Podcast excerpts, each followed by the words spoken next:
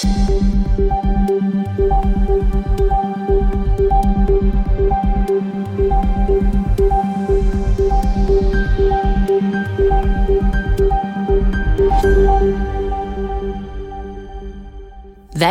tilbake til Krimnytt, en podkast for deg som ønsker å følge med på aktuelle true crime-saker. Vi er veldig glad for å ha fått så mange nye følgere, og vi håper at dere går inn på der du hører podkast og trykker på subscribe. Gå gjerne også inn på Instagram på Krimnytt og følg oss der. Ifølge United Nations så blir seks kvinner drept hver time rundt om i verden. De blir hovedsakelig drept av menn som enten er partnere eller ekspartnere. Det vil si at 50 000 kvinner blir drept hvert år av menn de har eller har hatt et forhold til. VG har laga en oversikt som viser at mellom år 2000 og 2024 så er 23 menn og 186 kvinner drept i saker der partner eller ekspartner er sikta eller dømt for drapet. I de siste ukene så har Norge sett flere partnerdrap på kort tid. I Krimprat med Lisa og Fiona så har vi også dekka flere saker det siste året der kvinner har drept både sine ektemenn og barn. Så det forekommer også.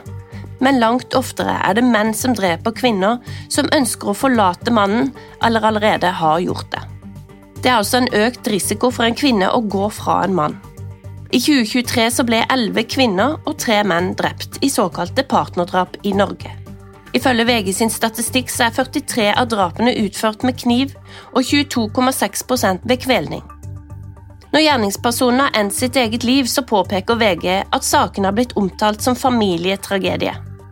Det har nå blitt mindre tabu å skrive om disse sakene og få dem frem i lyset. Og med det så går vi til dagens sak, som er meget spesiell. Rettssaken som starta forrige uke, er en Nobody Homicide-sak fra USA. 24. mai i 2019 så forsvant Jennifer Dulås fra sitt hjem i New Cannon, Connecticut. Hun hadde kjørt og sluppet av sine fem barn på skolen, for så å returnere hjem. På naboens overvåkningskamera kan man se at Jennifer ankommer hjemmet. Jennifer hadde samme dag to legetimer i New York, og da hun ikke møtte opp på disse eller ga lyd fra seg til sine barn, så ble hun meldt savna av barnepiken. Barnepiken Lauren reagerte da Jennifers Range Rover fremdeles sto i garasjen, og bil nummer to, en Chevrolet Suburban, var borte. Lauren visste at Jennifer ikke ville valgt denne bilen på sin tur til New York, og senere på kvelden kom etterforskerne for å sjekke hjemmet til Jennifer. Der fant de blodspor på kjøkkenet, på gulvet, døren og i garasjen. De fant også blodspor på Range Roveren som sto i garasjen. Blodet ble testa, og det tilhørte Jennifer. Det ble også funnet DNA miksa med Jennifers blod. Dette tilhørte Jennifers eksmann, Fotis Dulås. Jennifer og Fotis var midt i en heftig skilsmisse, der Jennifer hadde fått omsorgsretten over barna fordi Fotis hadde brutt avtalen som ble gjort mellom de to i retten. Så hvem var Jennifer og Fotis?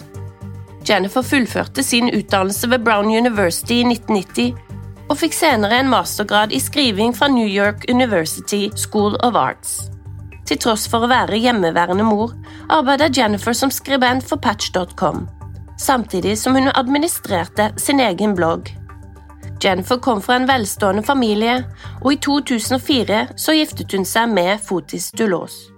Opprinnelig gresk, med utdannelse fra Brown University i 1989 i finans ved Columbia Business School. Samtidig grunnla han Delaw Four Group Inc., et selskap for eiendomsutvikling som spesialiserte seg på luksuriøse boliger i Connecticut. Dette med god hjelp fra Jennifers far. Og sammen fikk de fem barn, inkludert to sett med tvillinger, og alle ble oppkalt etter gresk-ortodokse helgener. I en av Jennifers bloggposter datert 12.3.2012 så antyda Jennifer vanskeligheter i ekteskapet. Hun skrev jeg kunne ønske jeg var en sterk person, og at konfrontasjon ikke skremte eller forferda meg. Ekteskapet gikk mot slutten, og Jennifer søkte om skilsmisse 20.6 i 2017. Samme måned leide hun et hus i New Cannon, omtrent 11 mil sørvest for Farmington, og flyttet dit sammen med sine barn. I skilsmissedokumentene så skrev Jennifer Jeg vet at å søke om skilsmisse og fremme denne begjæringen vil gjøre Fotis rasende og jeg vet han vil hevne seg ved å prøve å skade meg på en eller annen måte. Hun hevda også at hun trodde Fotis hadde et forhold til sin kollega Michelle Troconis. Jennifer påsto at Fotis hadde trua med å kidnappe barna deres og ta dem med til Hellas, hvis hun ikke gikk med på hans vilkår i skilsmisseoppgjøret. Hun visste også at han hadde kjøpt en pistol det siste året, noe som skremte henne. Fotis benekta å ha fremsatt trusler, og hevda at han lovlig hadde kjøpt pistolen for å ha som beskyttelse hjemme. Begge foreldrene fremma flere krav om at den andre æreskrenket dem. I starten fikk begge delt omsorgsrett, men da Fotis brøt avtalen om å ikke la barna omgås en ny kjæreste, fikk Jennifer barna på fulltid. Jennifer var bekymra for at dette alene ville få Fotis til å ønske hevn, og da Gloria Farber, Jennifers mor, i februar 2018 saksøkte Fotis for ubetalte lån, da kan man bare tenke seg at konflikten eskalerte. Gloria hevda at Fotis skyldte dem 1,7 millioner dollar, som ble lånt til han ved hans nå avdøde svigerfar Hillard Farber. Fotis bodde nå med sin nye kjæreste Michelle Troconis. Jennifer har aldri blitt funnet, men bilen, en Chevrolet Suburban, ble funnet bare fem kilometer unna hjemmet.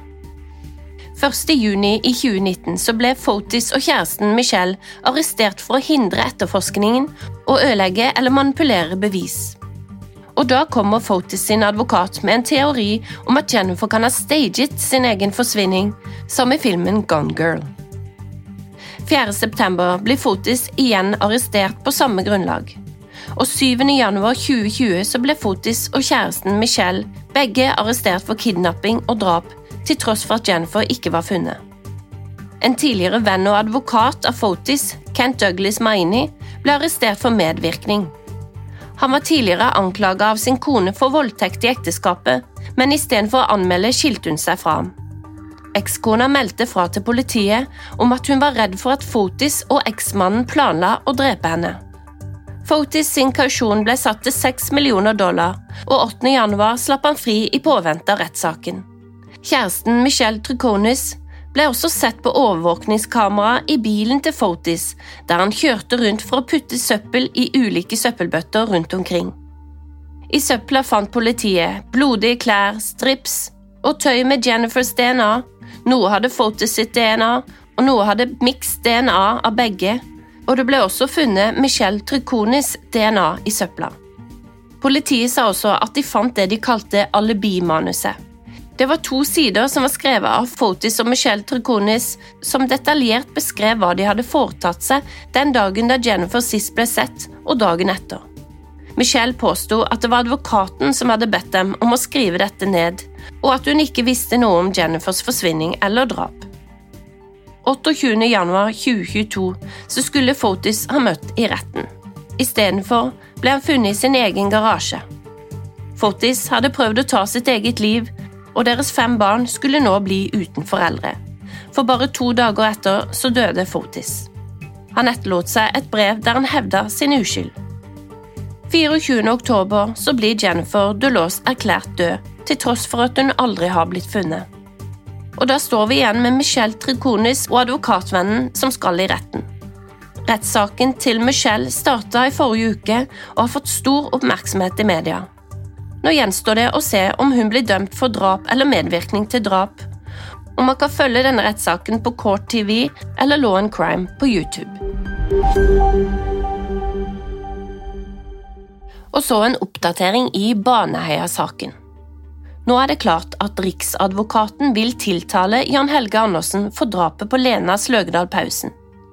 Jan Helge Andersen og Viggo Kristiansen ble dømt for Baneheia-drapene fra 2000, og Jan Helge fikk en mildere straff da han la det meste av skylda over på sin venn Viggo. Nå som Viggo Kristiansen er frikjent for drapet på Lena, og Jan Helge kun ble dømt for drapet på Stine Sofie Sørstrønnen, står ett drap igjen som uoppklart. Nå kan Jan Helge altså bli dømt for drap og voldtekt på Lena Sløgdal Pausen. Jan Helge Andersen har ikke blitt sikta for falsk forklaring, da den saken er forelda. Saken kommer opp i Sandnes tingrett fra 25. april i år 2024. Og så skal vi til drapet i Gudbrandsdalen. 6. januar ble en latvisk kvinne funnet drept i Gudbrandsdalen på et høyfjellshotell. Du hørte om denne saken i forrige ukes Krimnytt. En mannlig ansatt på hotellet der de begge jobba, har nå blitt arrestert og sikta for drapet. Kvinna skal ha blitt drept på sitt eget hotellværelse med kniv, og det skal ha blitt en uoveranstemmelse mellom de to. Mannens advokat sier at siktede skal ha vært påvirka av alkohol. Det var ansatte på hotellet der hendelsen skjedde, men ingen vitner og heller ingen gjester bodde på hotellet 6. januar. Siktede som er serbisk, er nå i avhør, og politiet har et godt bilde av hva som kan ha skjedd. De er også i et dialog med serbisk politi. Det er ingenting som tyder på at kvinnen skal ha hatt et forhold til denne mannen. Og i Stavern så søker politiet fortsatt etter kvinnen som er forsvunnet. Kvinnen ble først sikta for drapet på sin samboer som ble funnet drept i parets hjem 2. januar men politiet tror nå at kvinnen selv kan være drept, og at samboeren har tatt sitt eget liv. Torsdag forrige uke så starta politiet et søk i sjøen, samtidig som de fortsetter søket på land med hunder. Det var det vi hadde i denne ukas Krimnytt. Vi høres igjen neste tirsdag.